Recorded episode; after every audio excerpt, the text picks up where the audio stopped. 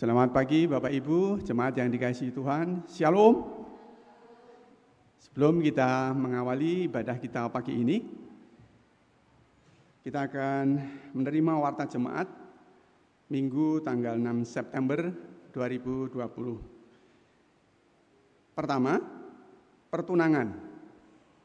Telah melangsungkan pertunangan Saudara Sumarmin, putra Bapak Saimin, warga GKJ Pugeran, dengan Saudari Wresti Natalia Indrayati, putri Bapak Wresni Harso Indrianto, wilayah 3 pada hari Selasa 1 September 2020 di Kalasan.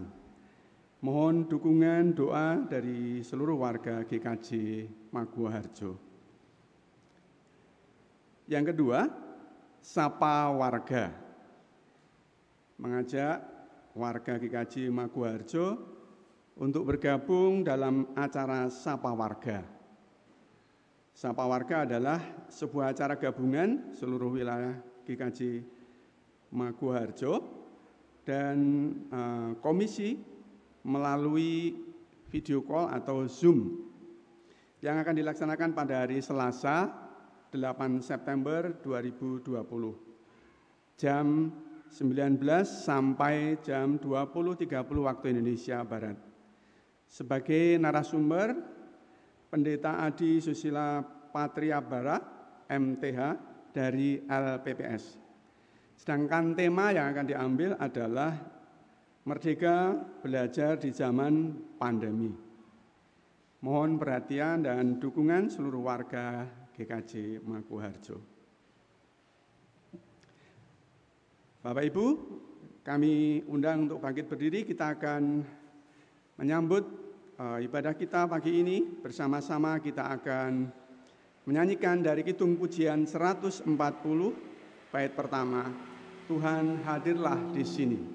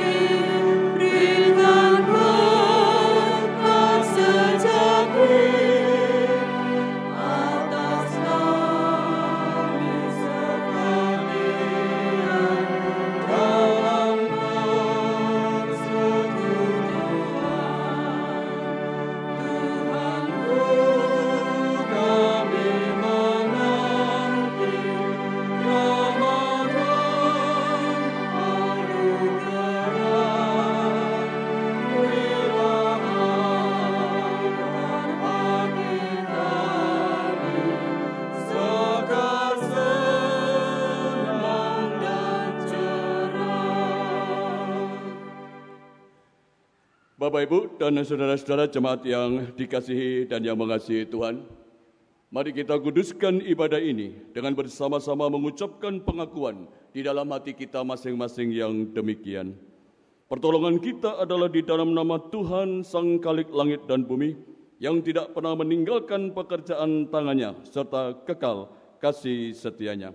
Dengan pengakuan ini, turunlah atas saudara-saudara kasih karunia dan damai sejahtera dari Allah Bapa, Putra, dan Roh Kudus. Amin.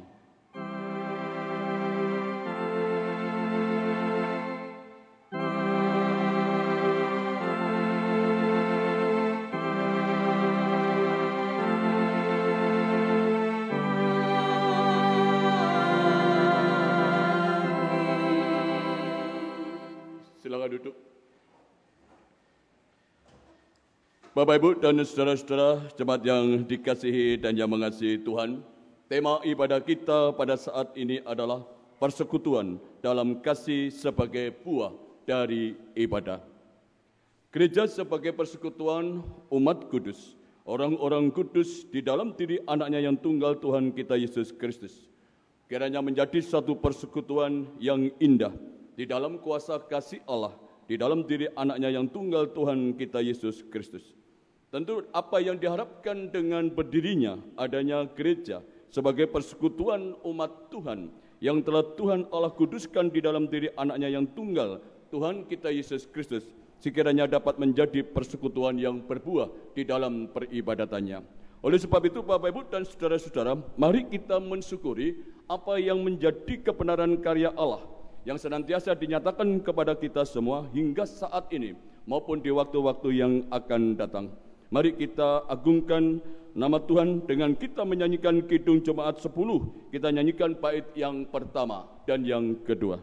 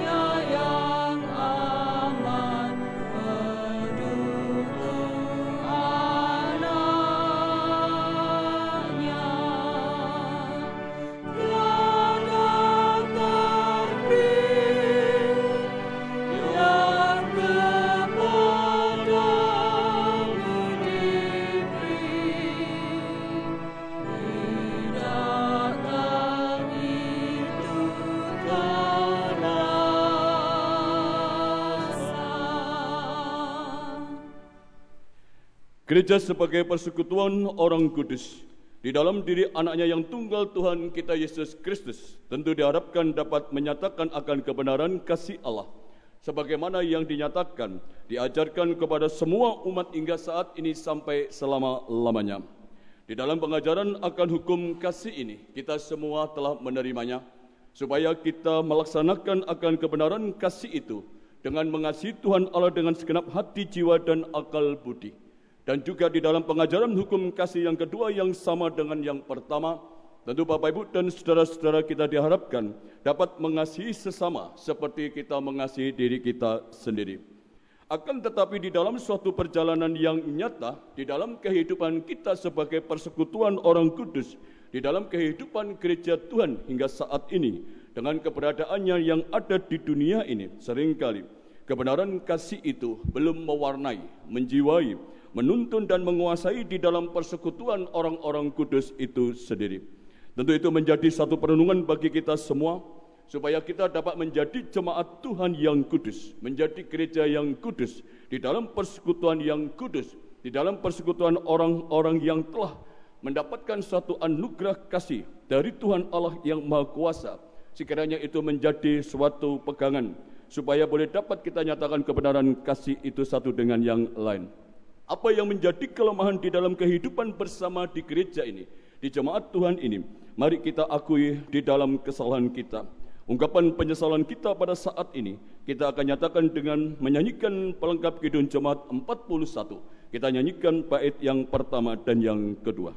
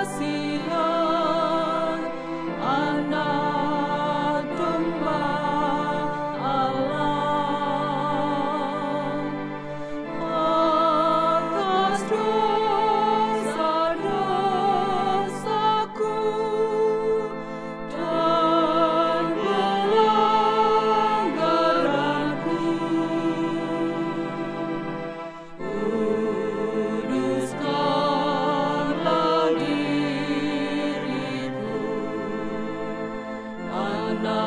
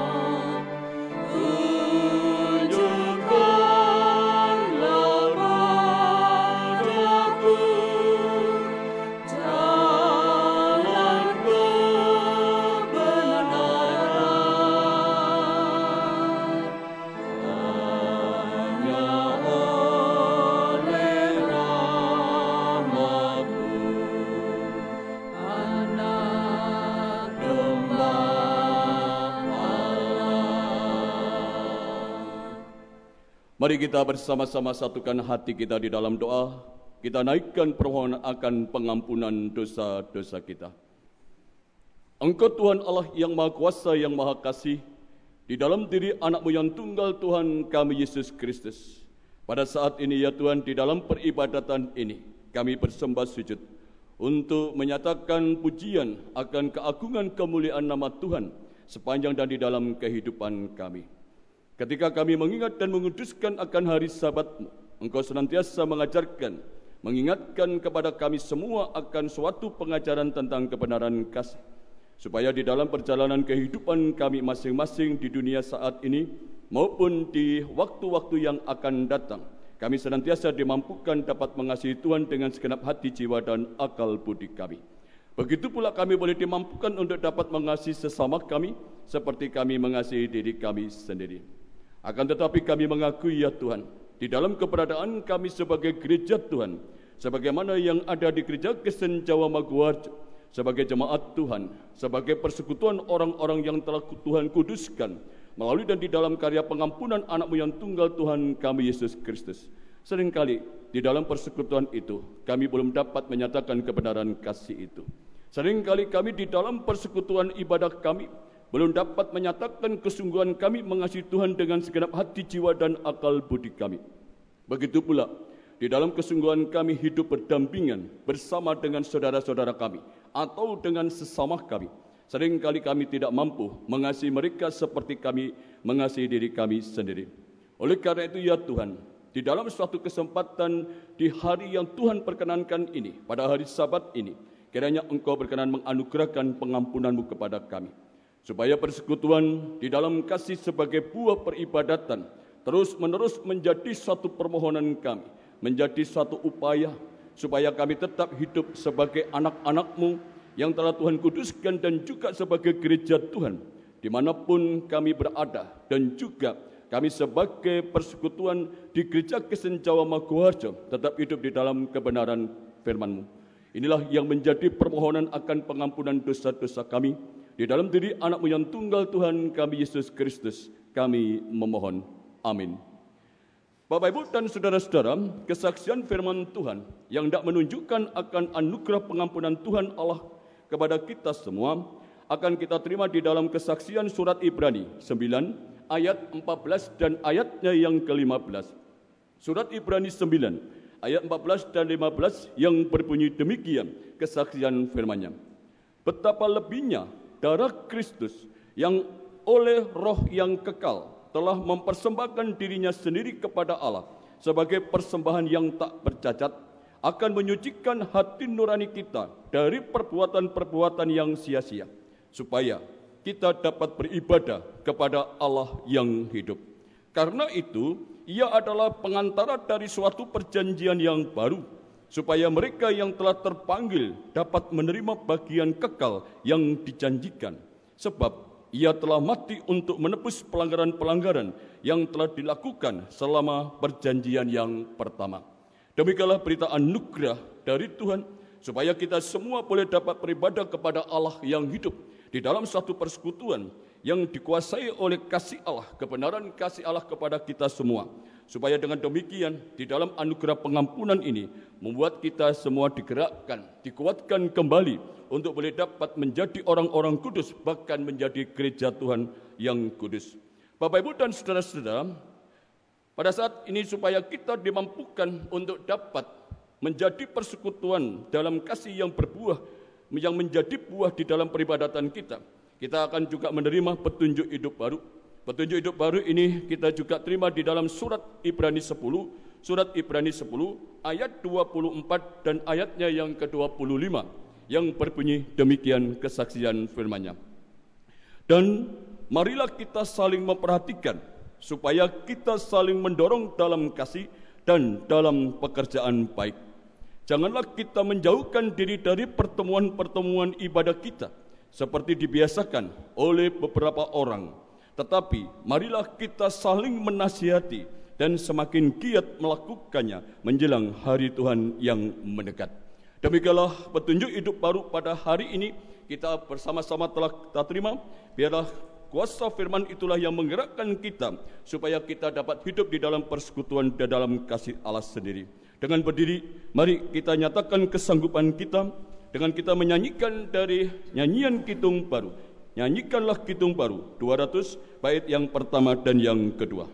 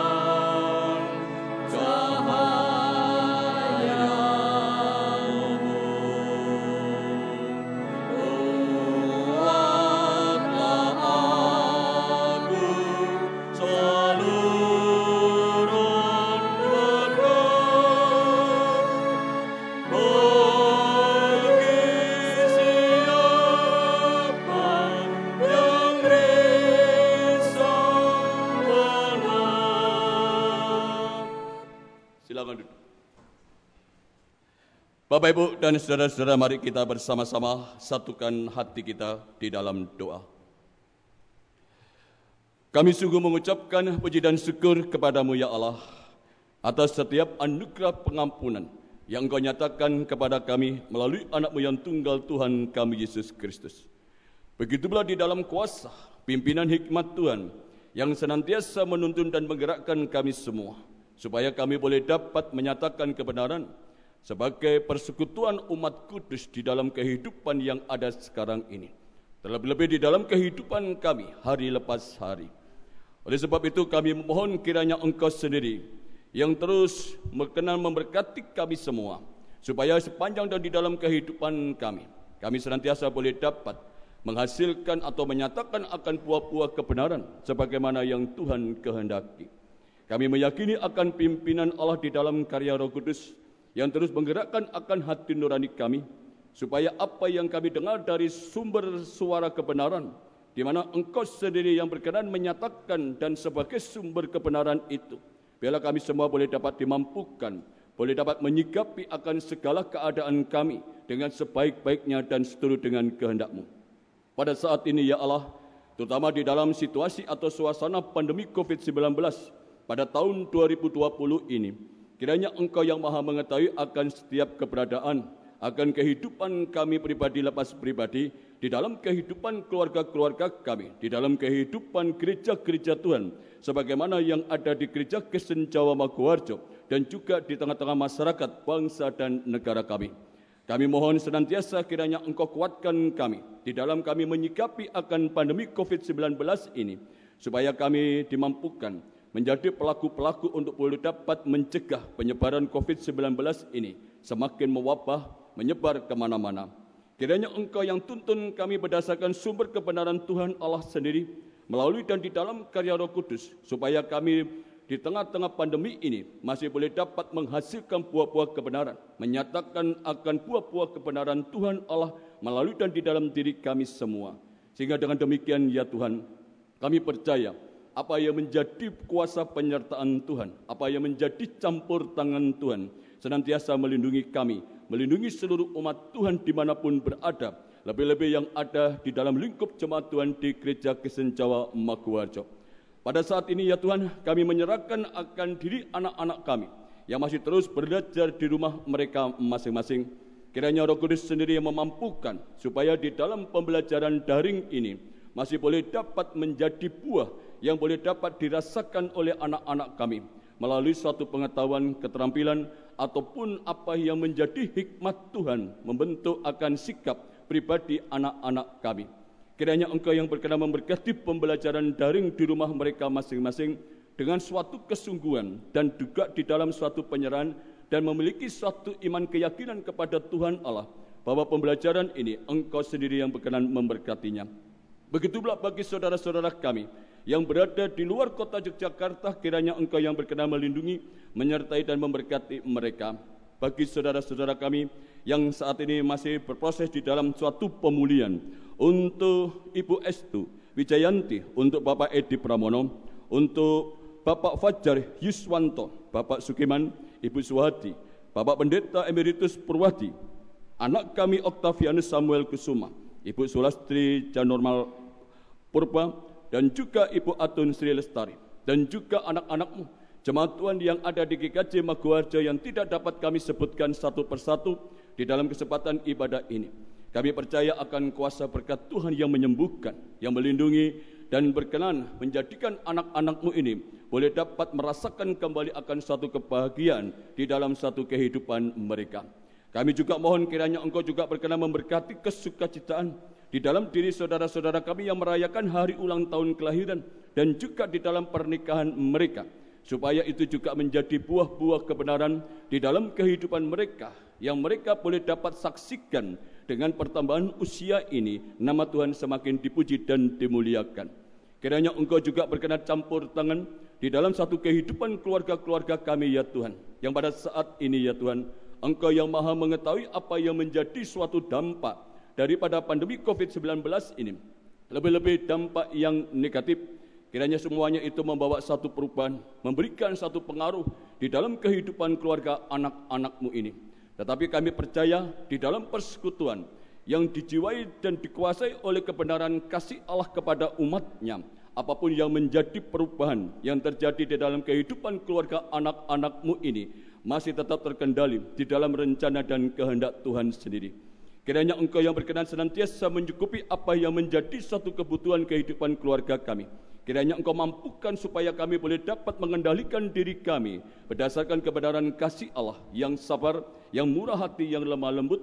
Begitu pula di dalam suatu penguasaan diri sebagaimana yang Tuhan kehendaki. Kami menyerahkan akan kehidupan keluarga kami masing-masing ke dalam belas kasihamu ya Tuhan. Supaya keluarga-keluarga kami ini tetap terjaga dan terlindungi dari penyebaran COVID-19. Kami percaya engkau juga berkenan memakai apa yang menjadi suatu keberadaan akan suatu penyerahan diri kami ketika kami merespon perjumpaan Tuhan dengan kami semua, perjumpaan Tuhan dengan umatnya melalui dan di dalam peribadatan yang kami lakukan di rumah kami masing-masing. Apa yang menjadi peribadatan di dalam suasana pandemi ini, kami meyakini dapat menghasilkan, masih dapat menghasilkan buah-buah peribadatan yang berkenan di hadapan Tuhan Allah yang boleh dapat berdampak dan dirasakan dampak yang benar sebagaimana untuk proses pertumbuhan di gereja Tuhan di GKJ Maguharjo ini. Begitu pula di dalam suatu kepedulian, apa yang menjadi suatu keperhatian terhadap situasi kehidupan di dalam diri saudara-saudara kami yang lainnya. Biarlah buah peribadatan ini semakin menguatkan kami semua tetap hidup di dalam persekutuan dengan Tuhan ataupun di dalam satu persekutuan dengan sesama kami berdasarkan kasih Tuhan Allah sendiri. Kami menyerahkan akan ke acara atau kegiatan sapa warga supaya kedekatan di dalam persekutuan yang didasarkan akan kebenaran kasih ini boleh dapat berlangsung seturut dengan kehendakmu ya Tuhan. Begitu pula kegiatan-kegiatan pelayanan yang ada di dalam gereja Kristen Jawa Maguwarjo ini. Kiranya engkau yang berkenan memberkatinya. Bapak, kami juga menyerahkan akan kehidupan masyarakat bangsa dan negara kami. Apa yang menjadi upaya untuk boleh dapat menjaga akan suatu kehidupan bersama di dalam lingkup masyarakat bangsa dan negara kami ini. Kiranya engkau yang berkenan memberkati, menyempurnakan dan memampukan agar setiap apa yang menjadi upaya itu tidak menjadi upaya yang sia-sia, tetapi menjadi buah akan kebenaran di dalam kasih Allah. Inilah yang menjadi seruan doa syukur kami, penyerahan diri kami, hanya di dalam diri anakmu yang tunggal Tuhan kami Yesus Kristus, kami naikkan doa ini. Amin.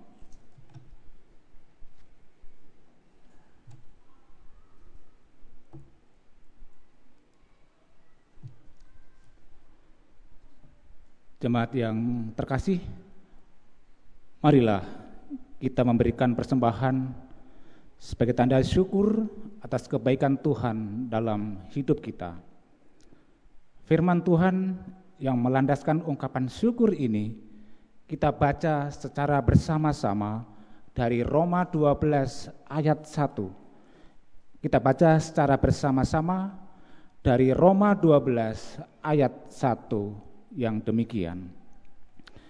Karena itu, saudara-saudara, demi kemurahan Allah, aku menasehatkan kamu supaya kamu mempersembahkan tubuhmu sebagai persembahan yang hidup, yang kudus, dan yang berkenan kepada Allah.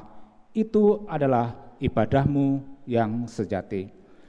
Bapak, ibu, saudara yang terkasih, kita akan mengumpulkan persembahan untuk Bapak Ibu yang beribadah dari rumah dapat mengumpulkan persembahannya dengan memasukkan ke dalam amplop persembahan dan nanti bisa dikirim ke kantor sekretariat gereja. Juga untuk persembahan bulanan bisa disampaikan melalui transfer melalui rekening kantor gereja. Dan bagi Bapak Ibu Saudara yang saat ini bersama-sama beribadah dengan kami di tempat ibadah ini, bisa nanti secara bergantian maju berurutan dari yang paling depan eh, dengan tetap mengatur jarak. Bapak Ibu marilah kita memberikan persembahan yang terbaik untuk Tuhan dengan memuji dari nyanyian Kitung Jemaat nomor 302 bait pertama sampai dengan tiga kubri persembahan.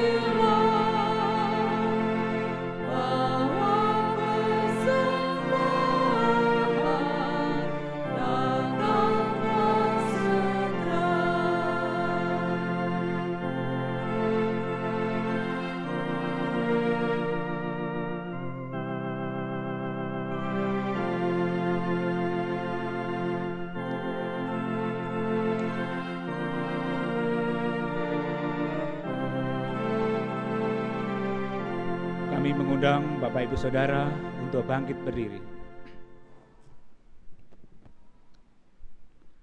Mari kita bawa persembahan kepada Tuhan melalui doa. Terpujilah Allah yang Maha Besar, Allah yang Maha Kasih, Allah yang kami sembah dan kami muliakan di dalam diri Tuhan kami Yesus Kristus.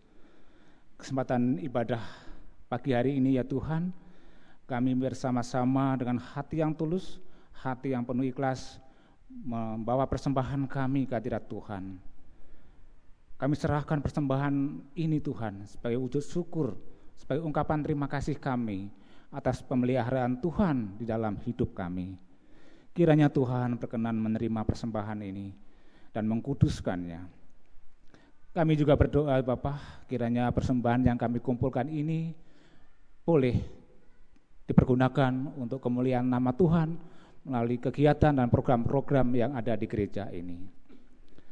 Juga tangan-tangan yang Tuhan percaya untuk mengelola, memanfaatkan, dan menggunakan uang ini, Tuhan berkati. Tuhan berikan hati yang lemah lembut, hati yang penuh kasih, hati yang penuh hikmat, hati yang takut akan Tuhan.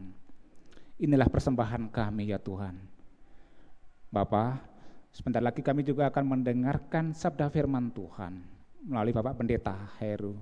Perkenan Bapak mengurapi Bapak Pendeta Heru sehingga sabda Tuhan, firman Tuhan boleh disampaikan dengan seturut kehendak Tuhan. Sehingga kami semua yang mendengarkannya boleh menjadi kuat, teguh dalam iman percaya kami. Dan kami semua boleh menjadi pelaku-pelaku firman di setiap kehidupan kami masing-masing. Berfirmanlah ya Tuhan, kami siap untuk menerima. Inilah doa sembahyang dan permohonan kami yang kami naikkan ke hadirat Tuhan melalui perantaraan putramu yang tunggal, Tuhan kami, Yesus Kristus. Amin. Persilahkan duduk kembali. Bapak Ibu dan saudara-saudara yang dikasihi dan yang mengasihi Tuhan, mari kita bersama-sama menyiapkan diri kita untuk mendengar dan merenungkan akan pemberitaan firman Tuhan. Di dalam kitab Injil Matius, di dalam kitab Injil Matius 18, kitab Injil Matius 18, kita akan renungkan di dalam ayat 15 sampai ayatnya yang ke-20. Kitab Injil Matius 18 ayat 15 sampai ayatnya yang ke-20 yang berbunyi demikian kesaksian firman-Nya. Apabila saudaramu berbuat dosa, tegurlah dia di bawah empat mata. Jika ia mendengarkan nasihatmu, engkau telah mendapatnya kembali. Jika ia tidak mendengarkan engkau, bawalah seorang atau dua orang lagi supaya atas keterangan dua atau tiga orang saksi perkara itu tidak disangsikan. Jika ia tidak mau mendengarkan mereka, sampaikanlah soalnya kepada jemaat dan jika ia tidak mau juga mendengarkan jemaat, pandanglah dia sebagai seorang yang tidak mengenal Allah atau seorang pemungut cukai. Aku berkata kepadamu, sesungguhnya apa yang kamu ikat di dunia ini akan terikat di surga dan apa yang kamu lepaskan di dunia ini akan terlepas di surga. Dan lagi aku berkata kepadamu, jika dua orang daripadamu di dunia ini sepakat meminta apa pun juga permintaan mereka itu akan dikabulkan oleh Bapakku yang di surga. Sebab di mana dua atau tiga orang berkumpul dalam namaku, di situ aku ada di tengah-tengah mereka. Yang berbahagia Bapak Ibu dan saudara-saudara yang mendengarkan akan firman Tuhan dan yang sungguh-sungguh berusaha melaksanakan kehendaknya di dalam kehidupan sehari-hari. Haleluya.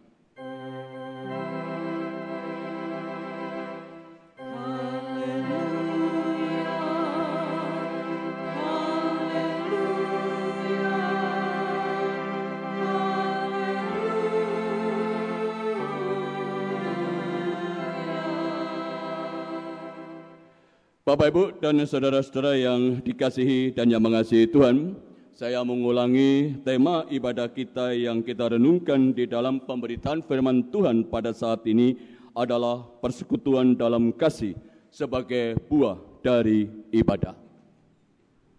Memperhatikan apa yang menjadi tema ini, tentu Bapak Ibu dan saudara-saudara, kita akan melihat sejenak apa yang menjadi satu pengertian tema ini. Persekutuan dalam kasih sebagai buah dari ibadah. Bapak Ibu dan saudara-saudara, di tengah pandemi yang masih berlangsung hingga saat ini. Bahkan di daerah istimewa Yogyakarta, tanggap darurat bencana itu diperpanjang hingga akhir bulan September ini. Apa yang menjadi situasi keadaan kita saat ini? Bukan menjadi situasi keadaan orang per orang, tetapi ini menjadi situasi dan keadaan bagi semua orang.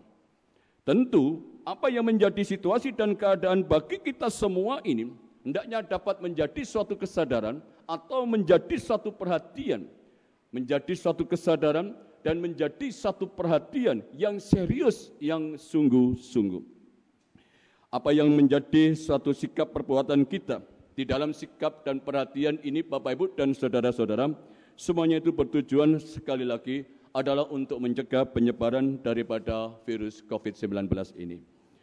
Kita akan memperhatikan secara khusus situasi dan keadaan ini Bukan kita mempersoalkan bagaimana vaksin itu akan ditemukan, bagaimana dampak-dampak yang lain yang ada dan dirasakan bagi banyak orang itu dan seterusnya. Tetapi pada saat ini kita akan berbicara dan merenungkan apa yang menjadi sikap perbuatan kita melalui dan di dalam peribadatan. Bapak Ibu dan saudara-saudara, peribadatan kita sebagaimana yang kita lakukan pada saat ini. Peribadatan yang sesuai dengan protokol kesehatan. Ada jaga jarak, ada cuci tangan. Begitu pula pakai hand sanitizer, pakai masker dan seterusnya. Apakah dengan adanya protokol kesehatan seperti ini masih memungkinkan peribadatan kita itu bisa berbuah atau tidak?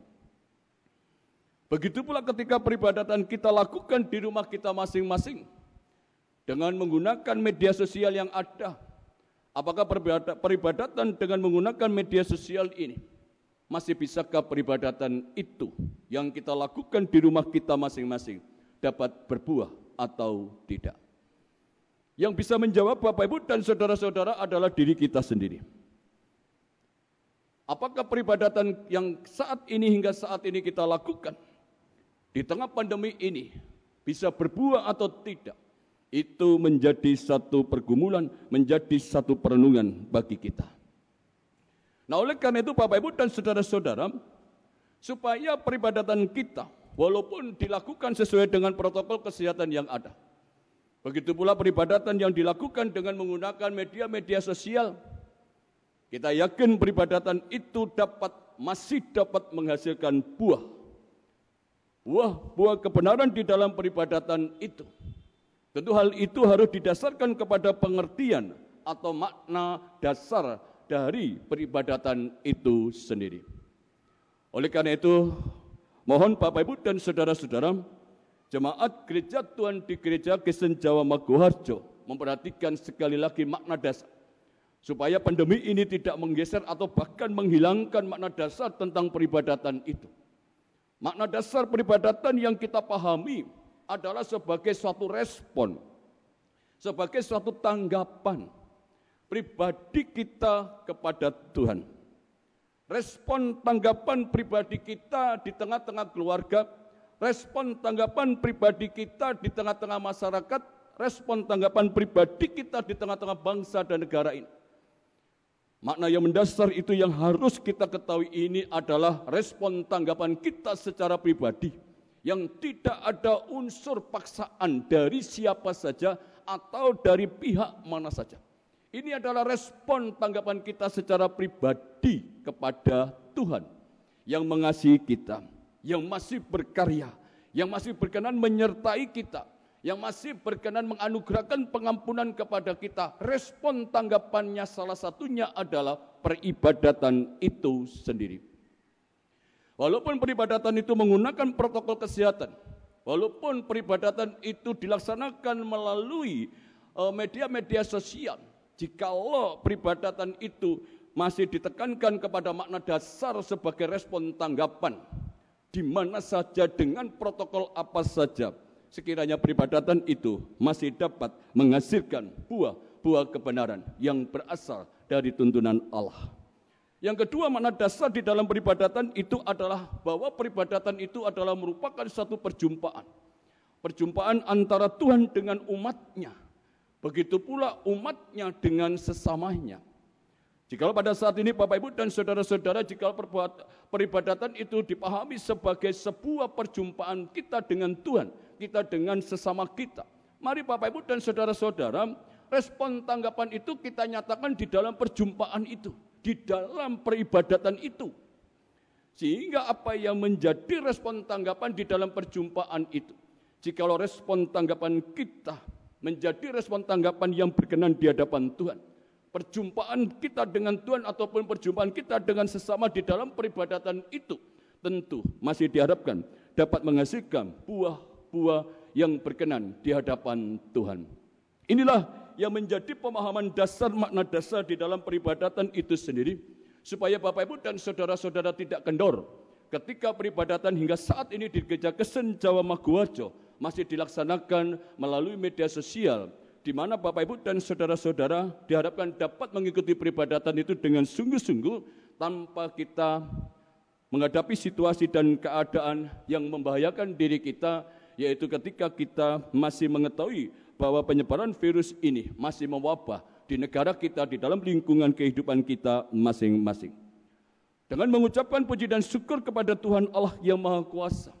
Di Dirjakisen Jawa Maguwarjo pada saat ini Bapak Ibu dan Saudara-saudara, kita dapat merasakan buah peribadatan itu melalui persekutuan yang dijiwai, yang berdasarkan kasih. Bapak Ibu, sadar atau tidak, jikalau kita menghayati sekali lagi apa yang kita lakukan hingga saat ini sepanjang di dalam kehidupan kita, di dalam peribadatan kita, buah peribadatan di dalam persekutuan kasih itu dapat kita rasakan. Bapak Ibu dan saudara-saudara melalui ibadah media sosial ini, hendak kami katakan, hendak kami sampaikan. Saya mewakili Majelis Gereja Kristen Jawa Maguwarjo menyampaikan. Gereja kita menyatakan buah peribadatan itu di tengah pandemi ini masih melakukan suatu aksi diakonia yaitu di dalam kegiatan peduli Covid dengan membagikan sembako bagi keluarga-keluarga jemaat Tuhan di GKJ Maguwarjo hingga saat ini di mana kurang lebih jumlahnya adalah 30 keluarga. Salah satu perwujudan. Tentu Bapak Ibu dan saudara-saudara, dari manakah sumber dana peduli COVID ini? Dengan pembagian sembako ini. Kita semua meyakini bahwa Allah yang menjadi sumber segala berkat mencukupi akan kehidupan umatnya.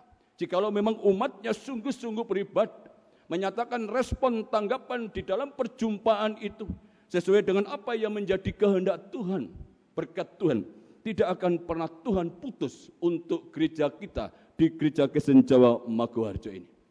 Begitu pula Bapak Ibu dan saudara-saudara di dalam satu pelayanan atau diakonia lainnya. Mungkin Bapak Ibu dan saudara-saudara ada yang belum perso atau belum mendengar bahwa di gereja kita walaupun di dalam suasana pandemi ini melakukan satu aksi-aksi di mana kita juga boleh dapat memperbaiki rumah pastori kita Begitu pula boleh dapat membantu, memperbaiki, merenovasi tempat tinggal salah satu warga sebagaimana yang ada di wilayah tiga. Dan juga masih banyak Bapak Ibu dan Saudara-saudara kegiatan-kegiatan yang kita lakukan yang tidak menunjukkan itu adalah merupakan perwujudan buah peribadatan. Di mana di dalam peribadatan kita terus berusaha tetap menjaga di dalam di dalam persekutuan yang didasarkan kepada kasih kita kepada Tuhan yang didasarkan kepada kasih kita terhadap sesama kita. Nah oleh karena itu, Bapak Ibu dan Saudara-saudara, apa yang menjadi keyakinan kita di dalam tema ini? Persekutuan dalam kasih sebagai buah dari peribadatan itu, kita yakini masih berlangsung hingga saat ini di gereja kita. Begitu pula kita yakini di dalam kehidupan keluarga-keluarga kita. Kita yakini di dalam satu kebersamaan masyarakat, bangsa, dan negara kita apabila di dalam komunitas terkecil keluarga, begitu pula komunitas sosial masyarakat, bangsa dan negara, masih terdapat persekutuan yang didasarkan atau berdasarkan kasih, masih dapat menjadi atau menghasilkan buah-buah yang berkenan di hadapan Tuhan. Secara khusus Bapak Ibu dan Saudara-saudara kita akan lihat di dalam suatu pengajaran firman Tuhan di dalam kitab Injil Matius 18 tadi, ayat 15 sampai 20 buah peribadatan dalam persekutuan jemaat Tuhan yang ada di Matius pada saat itu, pada zaman Matius pada saat itu, itu berupa apa? Mari kita perhatikan di dalam ayat 15 sampai 20 ada buah peribadatan yang terbentuk di dalam persekutuan kasih itu. Kita lihat di dalam tiga hal. Bapak Ibu dan saudara-saudara, ada tiga hal yang kita perhatikan sebagai satu bentuk buah. Buah di dalam persekutuan kasih itu. Yang pertama, buah peribadatan itu merupakan merupakan suatu pertobatan. Bagaimana itu dipahami? Di dalam konteks kitab Injil Matius 18, 15 sampai 20 ini. Mari Bapak Ibu dan saudara-saudara kita perhatikan bagaimana ketika ada seorang yang berdosa. Bagaimana ketika ada seorang yang berdosa. Tuhan Yesus menyampaikan satu pengajaran. Tuhan Yesus menyampaikan suatu pengajaran. Tegurlah dia terlebih dahulu dengan empat mata. Secara pribadi, empat mata antara kita dengan dia. Jikalau orang yang berdosa itu belum sadar atau mau, belum mau bertobat, ajaklah saksi satu atau dua orang. Supaya perkaranya atau persoalannya itu tidak disangsikan lagi. Jikalau memang belum bertobat, angkatlah persoalannya itu di tengah jemaat.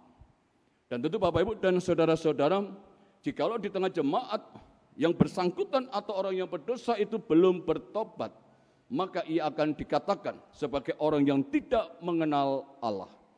Nah oleh karena itu apa yang menjadi sanksi? Tentu Bapak Ibu dan saudara-saudara bisa jadi dia dikeluarkan, dikucilkan. Istilah yang dipakai di dalam kitab Injil Matius ini adalah dikucilkan dari jemaat pada saat itu. Kita tidak mempersoalkan apa yang menjadi pengucilan itu. Tetapi mari kita lihat teknik ketika menegur seseorang karena dosanya. Yaitu dengan pendekatan pribadi, adanya saksi, dan juga dibawa di dalam suatu jemaat. Itu adalah suatu teknik cara pendekatan berdasarkan persekutuan yang ada di dalam kasih itu sendiri. Nah oleh karena itu Bapak Ibu dan Saudara-saudara diharapkan teknik-teknik pendekatan ini Ketika teknik secara pribadi empat mata ini dilakukan di dalam persekutuan kasih, tentu diharapkan itu masih menjadi satu pergumulan, menjadi satu sharing, menjadi satu persoalan pribadi, privasi antara orang itu dengan salah seorang dari kita. Kiranya apa yang menjadi suatu kesadaran, apa yang menjadi suatu keinginan untuk berbalik kembali kepada Tuhan melalui dan di dalam jalan kebenaran maka kita akan mendapatkan kembali dia apabila dia bertobat, mengakui apa yang menjadi dosa kesalahannya itu. Teknik pendekatan pribadi empat mata ini, begitu pula teknik pendekatan saksi satu atau dua orang ini, begitu pula bila diangkat di tengah-tengah kehidupan jemaat, itu adalah merupakan satu teknik di mana kita sebagai persekutuan jemaat Tuhan yang dijiwai dan berdasarkan kasih. Supaya persoalan itu boleh dapat diselesaikan berdasarkan kasih itu sendiri. Tujuannya di dalam pendekatan ini supaya orang itu bertobat. Buah peribadatan yang pertama adalah pertobatan. Yang kedua Bapak Ibu dan saudara-saudara, bahwa di dalam suatu peribadatan diharapkan dapat menghasilkan menghasilkan buah melalui dan di dalam persekutuan yang berdasarkan kasih itu sendiri. Kasih kepada Tuhan ataupun kasih kepada sesama. Buah peribadatan yang kedua macam apa? Mari kita perhatikan Bapak Ibu dan saudara-saudara, di dalam ayat yang berisikan apa yang kamu ikat di dunia ini akan terikat di surga. Apa yang kamu lepas di dunia ini akan terlepas di surga. Tentu Bapak Ibu dan saudara-saudara, apa yang menjadi pengertian ikatan dan apa yang menjadi pengertian dilepaskan itu. Apa yang diikat dan apa yang dilepaskan. Kalau Bapak Ibu dan saudara-saudara memperhatikan, jikalau yang diikat itu adalah merupakan suatu pengajaran yang benar. Yang diikat itu adalah merupakan suatu pengajaran yang sesuai dengan iman keyakinan kita kepada Tuhan. Sebagaimana yang ada di dalam firman-Nya.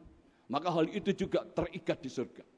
Orang itu atau kita semua akan dan merasakan suatu kehidupan di dalam satu persekutuan dengan Tuhan Allah yang maha kuasa sesuai dan di dalam kebenaran yang ada.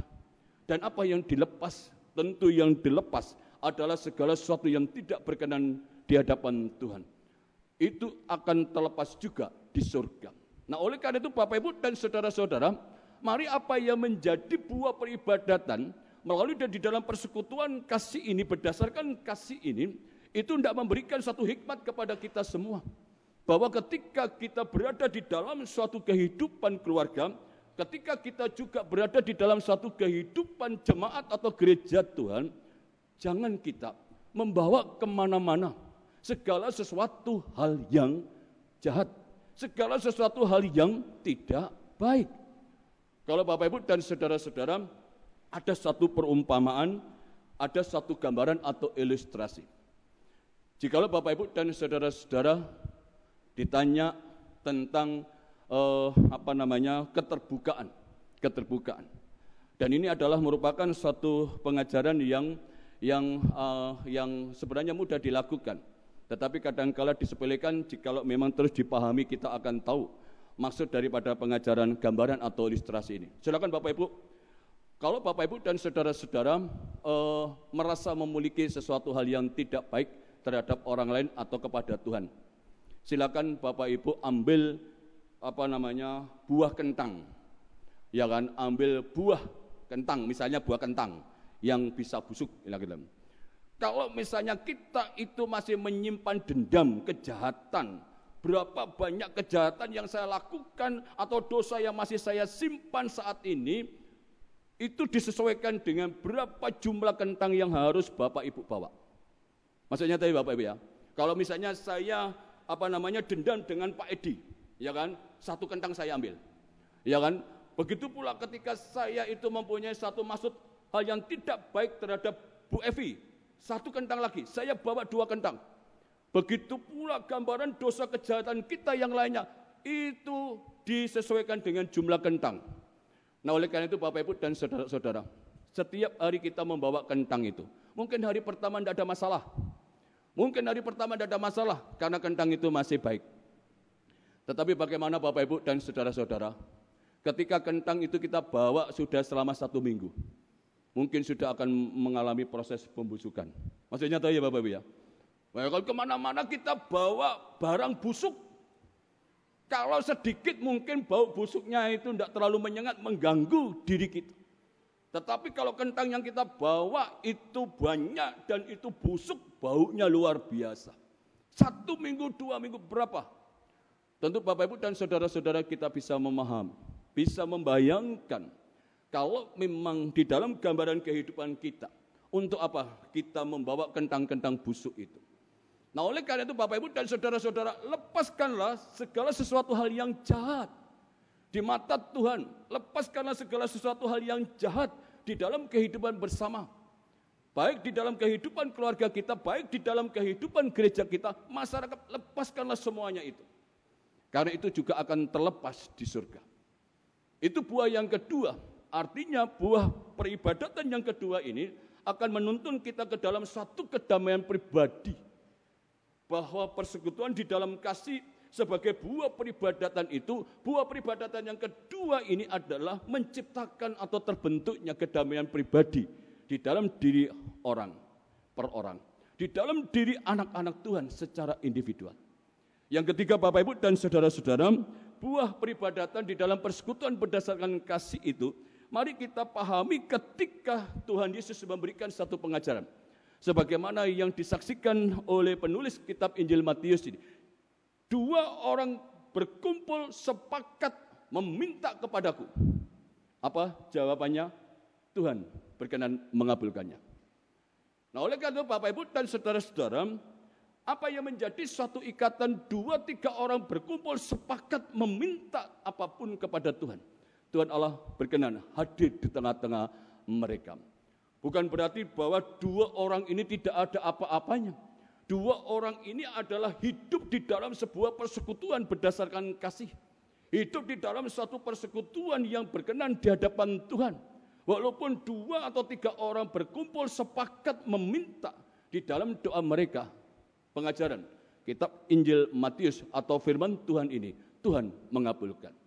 Nah oleh karena itu Bapak Ibu dan Saudara-saudara, buah peribadatan yang ketiga ini adalah dikabulkannya doa-doa kita. Tentu itu menjadi suatu harapan permohonan kita. Apa yang menjadi ke keadaan kita. Seringkali kita bawa di dalam doa. Janganlah putus asa. Jikalau doa-doa itu tidak terkabulkan, barangkali masih ada, belum ada persekutuan yang berkenan di hadapan Tuhan. Mari di dalam memasuki minggu-minggu yang akan datang ini atau hari-hari yang akan datang selama sepekan ini, kita memperhatikan persekutuan dalam kasih sebagai buah peribadatan ini, supaya nama Tuhan senantiasa kita puji, kita muliakan, bahwa peribadatan ini senantiasa ditujukan kepada kita semua, supaya kita sebagai anak-anaknya boleh dapat hidup berdampingan dengan sesama dan juga di dalam satu persekutuan dengan Tuhan, di mana Tuhan sebagai sumber segala berkat di dalam buah peribadatan itu, supaya peribadatan kita tidak menjadi sia-sia, tetapi semakin hari semakin menguatkan kita, lebih-lebih di tengah-tengah suasana pandemi ini. Tuhan Yesus memberkati. Amin. Mari kita masuk ke dalam saat teduh.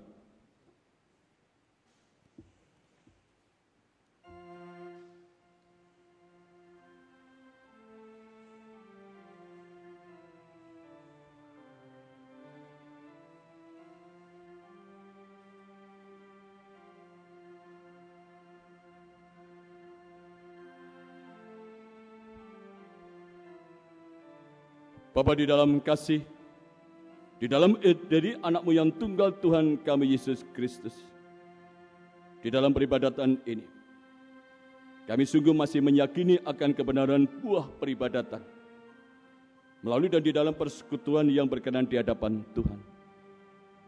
Persekutuan di dalam peribadatan kami bukan berdasarkan kesukuan kami, bukan berdasarkan kelebihan kekurangan kami, tapi berdasarkan hanya berdasarkan kebenaran di dalam kasih-Mu. Kiranya Kau mampukan kami ya Tuhan untuk terus melakukan satu peribadatan, untuk tidak meninggalkan akan pertemuan-pertemuan peribadatan, baik yang kami lakukan di dalam keluarga kami masing-masing, ataupun yang kami lakukan di dalam lingkungan pekerjaan kami atau lingkungan pelayanan kami, ataupun di dalam lingkungan gereja kami. Kami meyakini akan buah peribadatan itu. Masih dan senantiasa Tuhan anugerahkan kepada kami. Apabila kami hidup di dalam satu persekutuan di mana persekutuan yang dipimpin berdasarkan kuasa kasih Allah di dalam karya Roh Kudus yang akan memampukan dan menjadikan peribadatan kami hingga saat ini maupun sampai selama-lamanya tidak menjadi peribadatan yang sia-sia.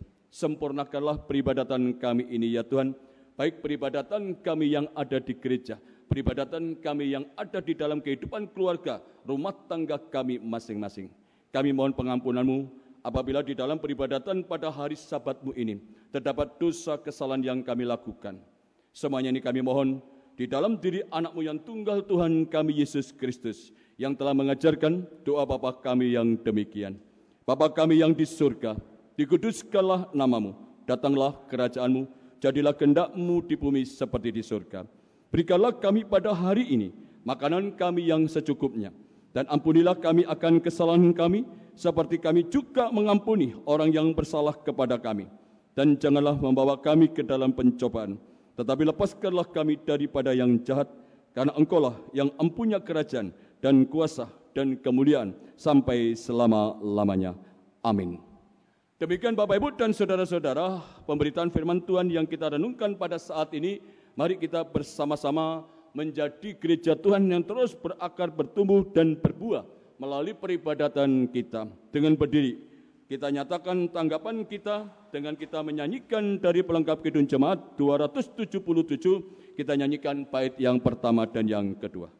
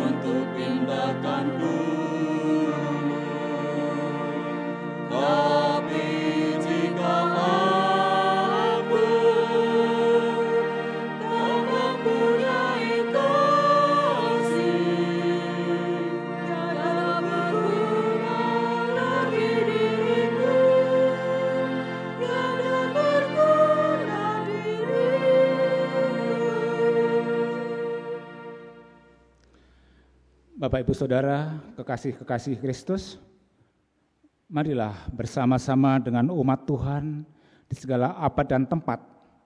Dengan tegas kita mengucapkan pengakuan iman rasuli yang berbunyi demikian.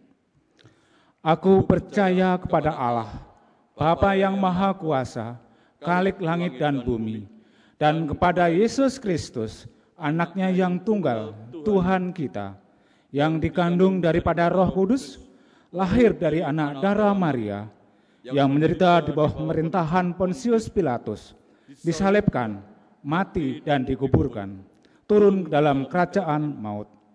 Pada hari yang ketiga, bangkit pula dari antara orang mati, naik ke sorga, duduk di sebelah kanan Allah, Bapa yang Maha Kuasa, dan akan datang dari sana untuk menghakimi orang yang hidup dan yang mati.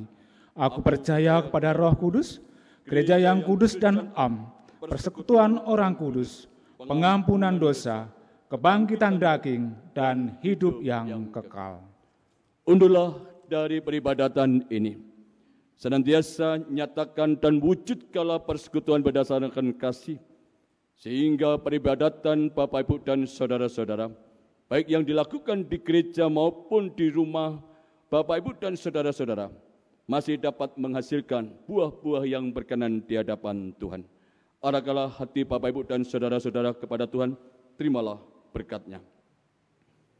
Hanya di dalam kasih Allah Bapa yang Maha Kuasa, di dalam diri anaknya yang tunggal Tuhan Yesus Kristus, serta di dalam persekutuan roh kudus, senantiasa menyertai Bapak Ibu dan saudara-saudara, di dalam setiap peribadatan di rumah ataupun di gereja, saat ini sampai selama-lamanya. Amin.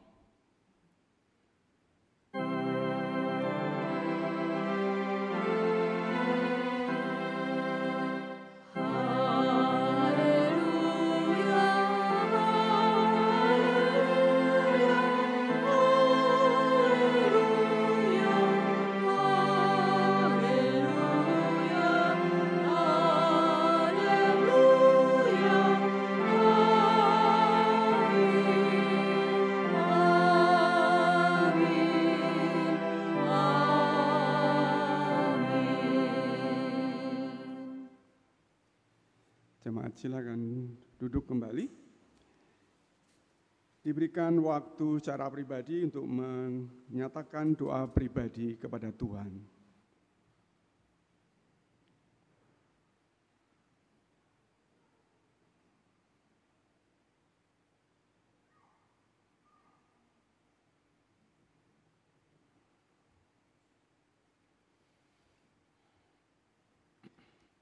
Amin. Majelis Gereja mengucapkan terima kasih kepada Bapak Pendeta Heru Sumboto yang sudah melayani ibadah pada hari ini. Juga kepada organis yang telah mengiringi ibadah kita, song leader yang telah memimpin pujian untuk kita bersama, juga tim multimedia yang melayani pada hari ini. Bapak Ibu, Saudara semua yang sudah melayani dengan segenap hati bagi kita semua, bagi kemuliaan nama Tuhan. Marilah kita akhiri ibadah kita pagi ini. Bersama-sama kita akan menyanyikan lagu rohani 85 bait pertama, Ya Tuhan bimbing aku di jalanku. Mari kita nyanyikan dengan berdiri.